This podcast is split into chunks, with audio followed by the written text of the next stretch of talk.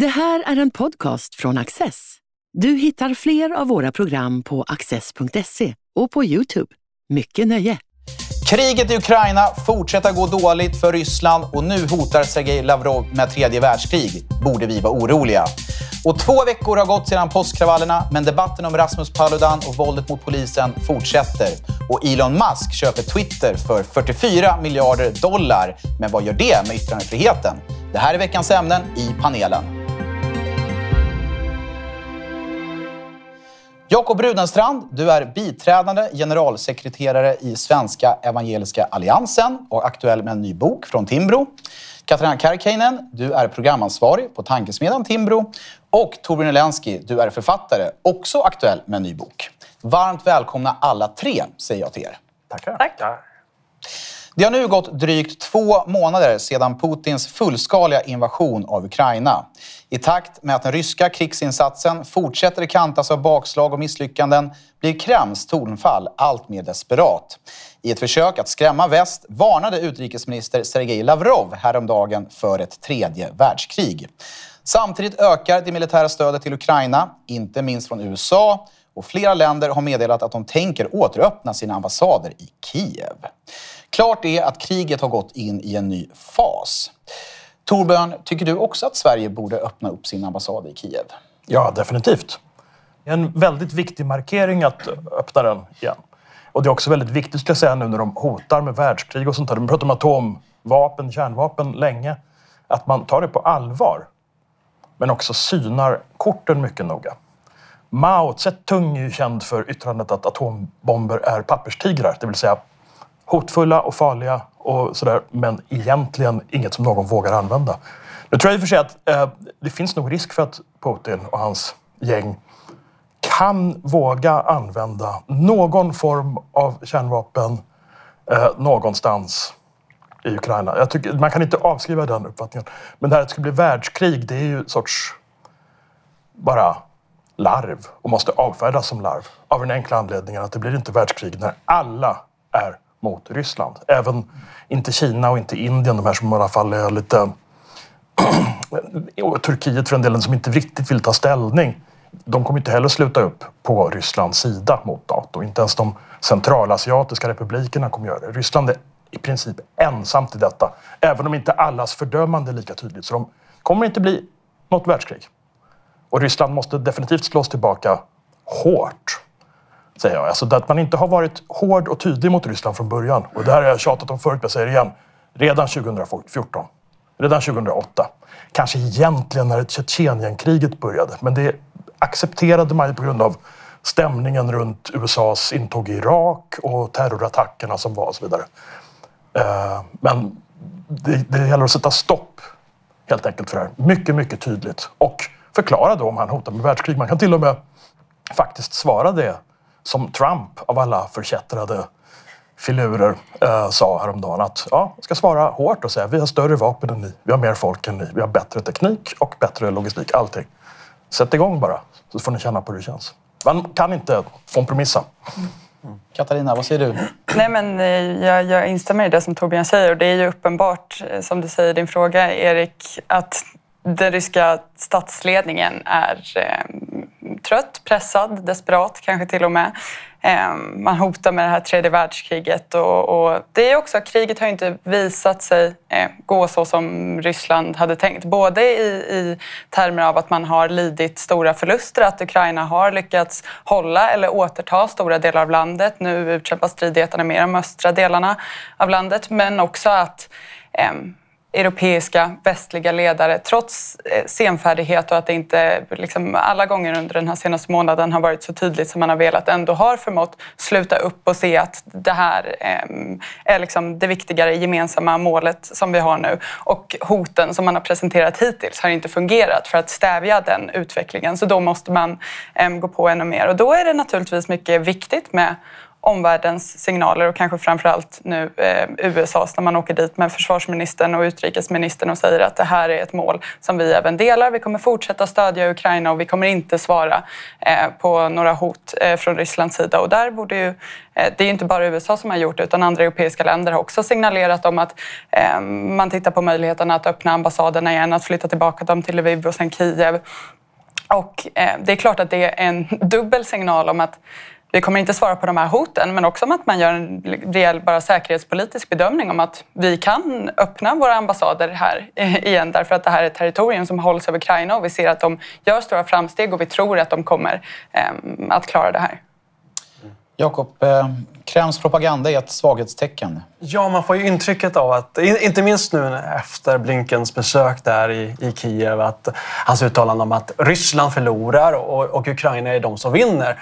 Och hur, hur responderar Ryssland på det här? Jo, man, man talar om kärnvapenkrig och tredje världskriget och det liksom är liksom ett tecken på att man behöver hausa upp sig själv. Eh, och inte minst nu man tittar häromdagen när man svarar på eh, Sveriges eh, liksom, utkastande av, av, ryska diplomater. Det tog kanske fyra veckor mm. för, för Ryssland att, att svara på eh, Sveriges eh, aktion. Det, det vittnar ju lite grann om att man, man är seg, man är trött. Och jag gissar ju att, att eh, bilden är en helt annan i, i, hemma i Ryssland. Där vill man ju såklart säga liksom, vi, vi, vi vinner stora framsteg. Men bara genom att man har ändrat lite grann av sin retorik och talat om att men, vårt mål om att, att säkra Donbassregionen och säkra de rysktalande folkens säkerhet vittnar ju om att att, att man inser själv att man klarar inte av ett, det här långsiktiga kriget. Det, och det som jag tror att vi i väst behöver tänka, att vi behöver vara långsiktiga och ihärdiga och tydliga.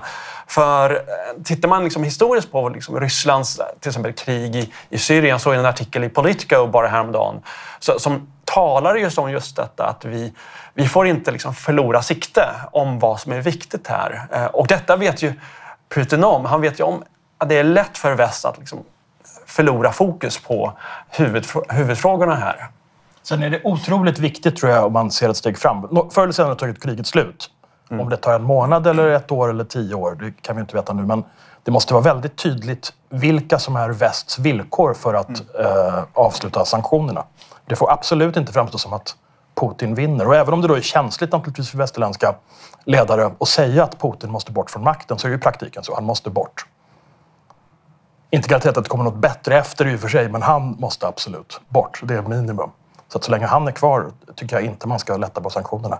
Ens om de slutar skjuta. För några veckor sedan så skickade ju Sverige ekonomiskt bistånd och också pansarskott. Det kanske till och med var en månad sedan.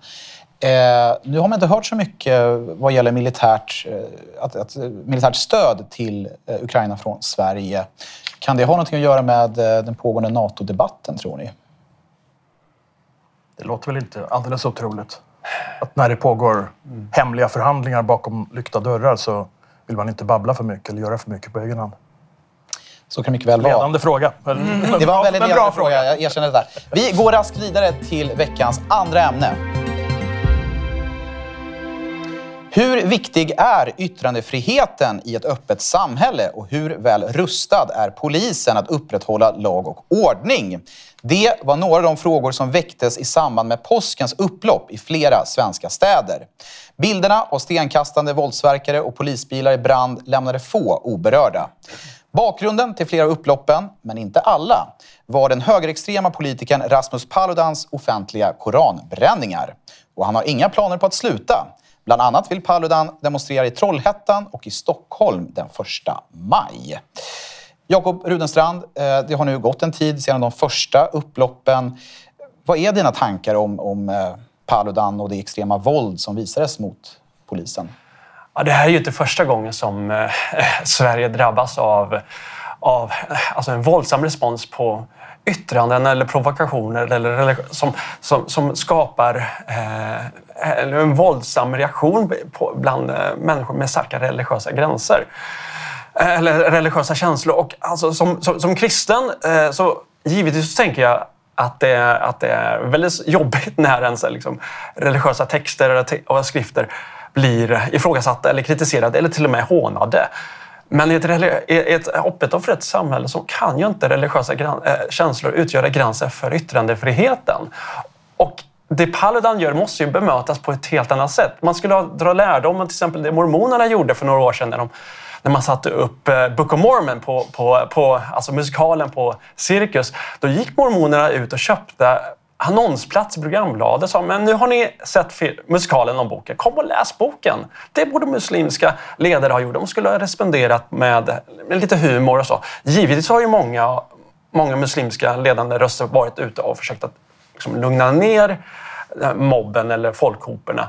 Men problemet finns ju fortfarande där. Eh, jag, eh, liksom, det, det sades ju i, en, i ett inslag i Studio 1 bara för några dagar sedan att, att en kille i Örebro som var väldigt upprörd över våldsamheterna ändå ville begränsa yttrandefriheten. Att det var det som var grundproblemet i, i den här kontexten. Men grundproblemet är ju inte att människor uttrycker provocerande eh, saker. Det är någonting som återkommer. Eh, till, till exempel titta på uh, titta på liksom de, de humorklipp som SVT har haft under, uh, under en längre tid. Jag minns att för två år sedan så var det en grupp kristna från Mellanöstern som reagerade kraftfullt på att man hade en, ett humorklipp med Per Andersson, eh, komiker, och, och som man pratade med ett krucifix framför sitt uh, könsorgan. Inga våldsamheter, inga kravaller, det var demonstrationer. Men just i det här fallet så tycks det finnas en en, en, en, en, svaghet när det gäller att stå upp för grundläggande yttrandefrihet och, och religionsfrihet som innebär att kunna kritisera och till och med håna religiösa föreställningar. Vad säger Torbjörn? Ja, jag håller helt med. Ehm, de måste lära sig att man inte kan reagera på det sättet på olika typer av saker som de uppfattar som hädelse. Å andra sidan så kanske man ska se vad det blir för analys av hur sammansättningen var här. Var det kriminella gäng eller var det kristna, eller vad säger jag, förlåt mig, religiösa horder? Typiskt Freudian slip där verkligen. Uh, eller, eller vad var det något annat? Liksom? Vad var det som drev där? Vänstern har ju sin favoritförklaring alltid med att det är socioekonomiskt utsatta. Aldrig något eget ansvar för vad de gör. Medan högern då tycker att man ska ta i med hårdare tag, bara helst skjuta. Hundra stycken till och med. Lite speciellt. Okej, okay. en för, förvrängd variant naturligtvis, hon sa, men ändå. Det är typ så polariserat är det. Jag tycker det här med hädelselagar är oerhört allvarligt att det lyfts. Att det överhuvudtaget kan tänkas tas på allvar av någon. En liten ironi med, med Satansverserna som är det första stora eh, det första stora exemplet på när muslimska massor har rasat mot en hädisk bok. Det är att en av de sakerna som de specifikt i England då, efter att de så småningom upptäckte boken, rasade mot, det var att England hade blasfemilagar. Det var bara det att de försvarade bara kristendomen, så de muslimska talespersonerna, i, talesmännen antar jag, i England och Storbritannien ville att man skulle utöka de här lagarna till att omfatta alla andra religioner. Men resultatet blev att man avskaffade de här även i England. Liksom i Irland och Danmark och andra länder som har varit förbluffande sena med att avskaffa dem. Har avskaffat dem i samband med olika kontroverser. Det går inte alltså... 1949 och... Ja, Sverige är tidigt ute ändå. Och sen 1970 hade vi trosfrihetslagar som, okay. som, som gällde för judendomen, kristendomen och, och mm. islam också.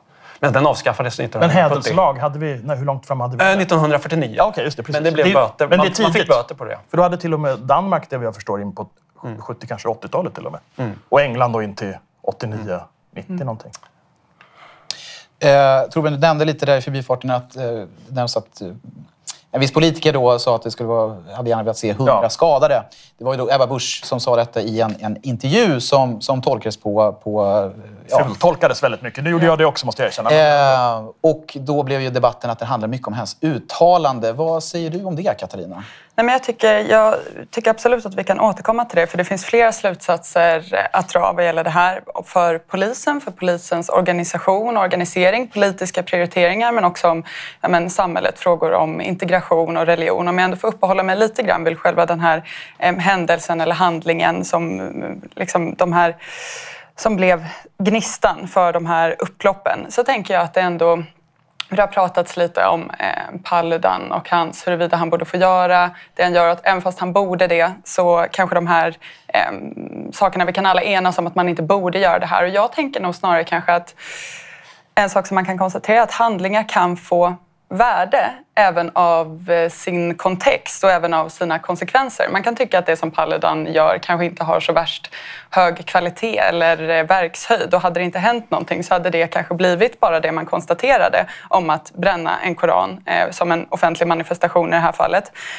Men när personer sen då går man ur huset, man ser hundratals som samlas för det här, eh, gör sig skyldiga till de här kravallerna, eh, gör sig skyldiga till mordförsök på svenska poliser, då tycker jag att den här aktionen även i sig får ett värde. Därför att den, och man behöver inte hålla med om hans bevekelsegrunder för den, men den visar någonting som tidigare var skymt för vår sikt. Den visar någonting som vi nu får information om och som vi måste hantera. Och den bilden är ju en av väldigt stora problem eh, för vårt samhälle. Och det gäller nästan oavsett eh, Ehm, men kan ju bero på lite grann vad vi kommer fram till sen angående hur den här sammansättningen ehm, såg ut. Men jag bara sett, för jag håller med er om det, den här debatten som nu förs om yttrandefrihetens gränser och ska man liksom skydda religionen? Men också jag såg att det var någon professor som spekulerade om att för att inte göra det här religionsspecifikt så kanske man i, snarare i yttrandefrihetens namn ska instifta lagar om att det är förbjudet att bränna böcker. För det är en så stark... Hur går det, det är en så stark... utrensningar? Ja, dels det, men för det, det, är en så stark handling att den, visar, den påvisar att man har velat begränsa yttrandefriheten. Och det, det tycker jag bara är en liksom, skendebatt och ett försök att flytta blicken från vad som faktiskt händer här. Och dessutom, ja, får man inte bränna böcker, jag behöver inte bli explicit här och ge några exempel, men det finns ganska många andra sätt att skända det som är heligt på. Så ja. jag tror inte att vi blir av med, med, med själva det här. Och också likadant etablerade politiska kommentatorer som har liksom försökt flytta debatten till att men om, om Paludan inte, om man inte kan upprätthålla säkerheten, man har inte rätt att eh, göra sig skyldig till att det blir upplopp i samhället. Nej, men det är ju inte han som har gjort det i det här fallet faktiskt. Det har ju inte varit någonting våldsamt eller uppviglande med de här manifestationerna, de få som faktiskt har blivit av. Så det är ju inte vad det här handlar om utan en, en mobb som liksom gör det här eh, oavsett. Man behöver ju inte, man behöver inte likställa ens säga liksom att det finns någon likhet mellan Paludan och Samuel Paty som eh, blev mördad i Frankrike efter att han i en, i en eh, skola hade visat Muhammed-karikatyren. Men jag minns ju hur diskussionen i Sverige gick då. Att det var så viktigt att, att stå upp för mm. yttrandefriheten, även om religiösa känslor kunde bli kränkta. Men nu när vi liksom befinner oss på den här sidan av året så, så, så växer ju de här rösterna. Och jag tänker så här, vi kan ju inte välja vilken, vilken frontfigur eller... Alltså nu har ju Paludan oundvikligen, trots att många av oss inte ville att han skulle bli en frontfigur för yttrandefrihet och den gnista som startar den här diskussionen. Vi kan inte välja honom, men nu befinner vi oss i den situationen att vi måste ta de här tuffa diskussionerna. Och där Ja, apropå vad, vad, din fråga där om polisen och vad Torbjörn lyfte tidigare om sammansättningen. Här tycker jag också att det blir... Det är möjligt att det finns en, eller det är väl till och med sannolikt att det finns en kärna i, i, i de här liksom hundratals personerna som har kopplingar till kriminella gäng och har, som har intresse av att försöka förstöra för polisen och uppvigla till våldsamheter eh, oavsett eh, kontext. Men jag tror ändå att det blir lite mycket att flytta fokus när alla polisens uttalanden som har handlat om det här och, och debatten efteråt har handlat mycket mycket om det här. Det här är kriminella som vill förstöra. Ja, men det är inte bara Nej, det. Man ser, det, är liksom, det var 150 personer i Örebro, det var 200 personer i Norrköping. De här personerna, alla har inte kopplingar till kriminella gäng. Och när man ser medelålders personer, mödrar som tar med sina barn hit. Det här illustrerar ju, oavsett vilken grad av det handlar om eh, religion eller en känsla av kultur eller samhälle eller utanförskap, så påvisar det här ett problem som är nu tror enormt. Jag, nu tror jag för sig både barn och mödrar faktiskt kan ha personliga kopplingar till kriminella gäng också. Men en annan sak som är problematisk med Paludan vill jag säga, det är att han försvårar för den seriösa kritiken av islam. Yttringar av islam, islamska riktningar, islamistiska eh, företeelser av olika slag. Eh, kristendomen har ju utsatts så att säga, för systematisk kritik ända sedan de här filologerna på 1500-talet började analysera Bibeln och upptäckte att den innehöll för mycket motsägelser och sånt där. Det har aldrig hänt inom islam på samma sätt. Åtminstone inte nått ut lika mycket. Kristendomen har gått igenom upplysning, vetenskapliga genombrottet, eh, renässansen som sagt, den kom först förstås, eh, industriella genombrottet, demokratiseringen.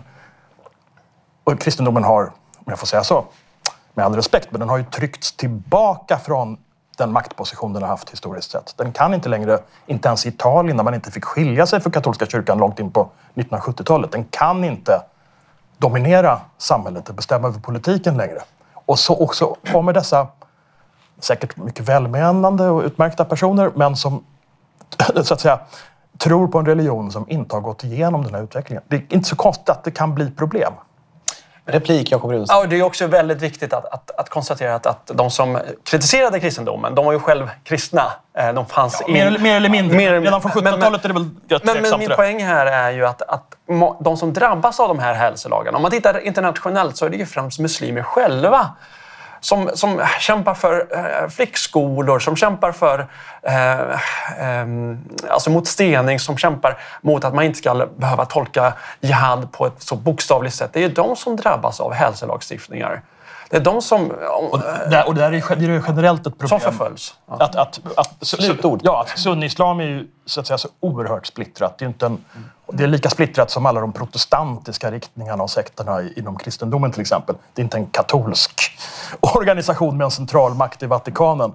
Och även inom sunnislam så kan olika riktningar anse att andra är kätterska, som salafister som avskyr vissa sufiordnar och sånt där. Det, det är inte alls någon enkel sak det där. Hädelslagar? Nej tack. Och det får bli slutord i det ämnet, för nu ska vi gå vidare till veckans tredje och sista ämne. 44 miljarder dollar eller 428 miljarder svenska kronor. Det var prislappen som Elon Musk fick ge för att köpa sociala medier-plattformen Twitter. Ett inte helt okontroversiellt köp, dels eftersom Musk har en betydligt liberalare uppfattning om vad som får sägas i offentligheten än nuvarande Twitterledning och dels då en del är oroliga över att för mycket makt koncentreras till en och samma person. Frågan är då vad vår panel tycker om Elon Musk som ny ägare till Twitter. Vad säger Katarina Karkiainen? Nej, men jag tycker att det finns många spännande aspekter av det här och eh, en hel del som talar egentligen både för och emot Elon Musk som, som ägare för det här bolaget. Men jag tänker att det är de här två aspekterna som du nämner ändå som är intressanta som är eh, reaktionerna om det här som handlar mer om det samhälleliga kring Twitter. Och dels är det ju då yttrandefrihetsaspekten. Ehm, Ehm, en del, det här är ju mer begripligt i en amerikansk kontext. I det liksom mm, mer ja, polariserade samtalet och det blir väldigt tydligt att det finns som två em, läger, en grov uppdelning mellan demokrater och republikaner men det handlar ju också om mer libertarianska eller konservativa röster och sådär i frågan om huruvida em, man ska stängas av för det ena eller andra. Där ju Eh, Elon Musks inställning har varit, eller åtminstone som han har gett uttryck för, att Twitter ska vara mer av en plattform som värnar yttrandefriheten och att användare ska få skriva vad de vill inom eh, ja, men, de gränser som lagen sätter vad gäller hot och uppvigling och, och, och en del annat. Men däremot saker som kan vara kränkande på olika sätt eh, eller sådär eh, ska få finnas på den här plattformen också. Det tror jag, det återstår ju att se vad det blir av det här. Men jag tror att det är, i grunden är en sund inställning och att det är bättre att de personerna finns på en och samma plattform där man ändå diskuterar med varandra än att eh, separera sig och skapa sina egna eh, liksom separata eh, kanaler och att det är allt annat lika. För det är klart att ingen har en eh, rätt att uttrycka sig på någon plattform. En ägare får ju säga att här uttrycker vi bara åsikter som faller inom det här spannet. Men det är nog bättre både ur affärssynpunkt och för det politiska samtalet på något vis att ha en inställning som är hellre tolerant än, än eh, det andra. Och sen så är ju den här andra aspekten som har lyfts om vi kan tillåta enskilt ägande av en så pass viktig, ett så pass viktigt bolag, en så pass viktig plattform som Twitter har blivit. Borde det inte vara så att man kan gå in och liksom hindra och reglera det här på något sätt? Och jag har svårt att förstå det faktiskt. Om en styrelse och aktieägare är eniga och det finns en, en eh, köpare som vill gå in i det här bolaget, att de inte skulle få göra på det sättet. Och jag undrar vad alternativet är och hur man skulle reglera det här. Och handlar det bara om eh, bolag som verkar inom media och kommunikation eller är det alla bolag som når en viss storlek? Det pratas också om Twitter på ett sätt som att de skulle ha någon slags monopolställning. Det är 20 procent av amerikaner eh, som använder Twitter. I Sverige så är det 4 procent. Och det finns naturliga konkurrensmekanismer här. Om en ägare gör någonting med en plattform som användarna helt inte vill så är det de facto inte ett monopol. Man kan gå någon annanstans och det tror jag löser sig ganska naturligt. Är det så oproblematiskt, Torbjörn Enaski? Uh, ah, alltså det är problematiskt generellt att så stora delar av vår offentlighet idag som är virtuell ägs av amerikanska storföretag. Det är, lite, det är väldigt speciellt, uh, måste jag säga. Vad gäller Twitter så är det ju bra att du nämnde de där siffrorna, för Twitter är ett problem i sig, skulle jag säga, i Sverige för att det är så överanvänt av människor i politik, media, PR-bransch och vissa angränsande saker. Det har ju absolut ingen representativitet för vad det finns för så att säga, verkliga debatter och problem i samhället, utan det är, det är en, en fruktansvärt instängd liten grupp. Jag tycker det borde vara förbjudet för ministrar och offentliga makthavare att ha Twitter. Och jag skojar inte när jag säger det, jag tycker det. Jakob Runstrand. Ja, man ska ju komma ihåg att, att, Twitter är ju inte vilket företag som helst. Det är ju som, tillsammans med Youtube, Facebook och andra sociala medier en del av vår eh, grundläggande infrastruktur för, för, för kommunikation. Och, eh, Eh, eh, därför är det ju problematiskt med just den, den avstängningstrend som har varit under senare tid. Och det är bara att jämföra, givetvis man kan ha många starka synpunkter på Donald Trump och de, de, de, den desinformation som han har spridit. Men att jämföra att, att stänga av honom men inte stänga av till exempel Ayatollah Khomeini, från, eh, Irans högsta ledare, och, eh, på grund av all den antisemitism och det hot och hat som han riktar mot, mot judar till exempel. Det är ju väldigt skevt. Sen, eh, jag är lite avvaktande när det gäller att bedöma eh, vad Musks ägande av Twitter kommer leda till. För att det, det, det är dels att, att eh, jag är positiv för en, en vidsträckt yttrandefrihet och hans Eh, signaler om att han vill att människor ska bli eh, auktoriserade, eller rättare sagt att man bekräftar att det inte ska vara tillåtet för bottar att, att eh, kapa identiteter på Twitter. Däremot så finns det ju en problematik i hans kontakt med Kina till exempel, där, en stor del av Teslas bilar produceras och Eh, vad skulle det innebära om, om den hålhaken används av kinesiska myndigheter när det gäller att stänga av aktivister från, från Hongkong? Och, och då kan man konstatera att en mycket, mycket större än Twitter är TikTok och det ägs av Kina. Just det.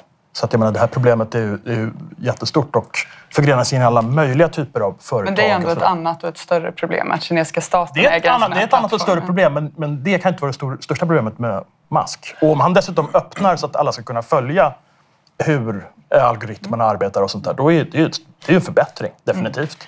Mm. Sen, sen, sen, noterar jag så att det finns en viss ensidighet i den svenska rapporteringen. Alltså väldigt många är upprörda över vad, det, vad det kan innebära för yttrandefriheten och för polarisering eh, när det gäller Musks övertagande. Eh, till exempel om man tittar på andra stora företag som är som nästan likartade stora. Eh, Amazon till exempel. Jag har bekanta i USA eh, som är ledande katolska tänkare som har fått sina böcker om, eh, där de kritiserar eh, könskorrigering och eh, just det problematiken som finns kring det borttagna från Amazons bokhandlar. Och där finns ju också en ensidighet när det gäller vissa, vilka perspektiv som får föras fram. det, där, är ju verkligen generellt. Alltså, det är godtycke som råder hos i stort sett alla de här amerikanska företagen som kontrollerar en sån orimligt betydande del av vår offentlighet idag är absolut ett hot mot, mot demokratin, helt enkelt. Mm. Och inte bara Twitter, som dessutom är alldeles för litet för, egentligen för att tas på allvar. Eh, utan alla de andra också. Jo, då tycker jag ändå att det finns en del som talar, eh, även för att det finns en del som talar emot, men i den här aspekten finns det en hel del som talar för eh, Elon Musks ägarskap i Twitter, att han har gått ut och sagt de här sakerna om att man ska göra källkoden öppen, att man ska vara mycket tydligare med vilka regler som gäller, mycket mer restriktiv angående att eh, stänga av eh, användare från plattformen. I frågan om ägande Eh, jag tänker också att det kan Eh, det finns liksom, på, på sätt och vis så kan det vara bra om ett bolag är börsnoterat därför att det finns väldigt direkta mekanismer om man liksom tror på bolagets framtid eller inte beroende på om användarna är nöjda. Å andra sidan kan det nog vara ganska bra att ha en enskild ägare som man tydligt kan ans liksom avkräva ansvar från och som man ser att policyn kan ledas tillbaka till än att ha det här mer anonyma ägandet, mycket institutionellt ägande på, på den amerikanska eh, börsen. Eh, och sen vill jag bara komma tillbaka till den här frågan om ägande över sådana plattformar överhuvudtaget. För jag tänker ändå att vill man att det ska finnas alternativ här så måste man fundera på vad det får för implikationer för konkurrensen i stort också. Nu kan vi faktiskt gå till andra plattformar om det skulle visa sig att Elon Musk genomför policy som man alls inte vill se. Men vilka incitament skapar man för framtiden för någon att skapa nästa Twitter eller nästa diskussionsforum om man inte låter eh, ägandet vara fritt också för sådana här bolag? Det får bli slutordet i den här veckans panelen. Stort tack för att ni har varit med och stort tack för att ni har tittat. Du har just lyssnat på en podcast från Access. Du vet väl att vi också är en tv-kanal och tidning? Teckna en prenumeration idag på access.se.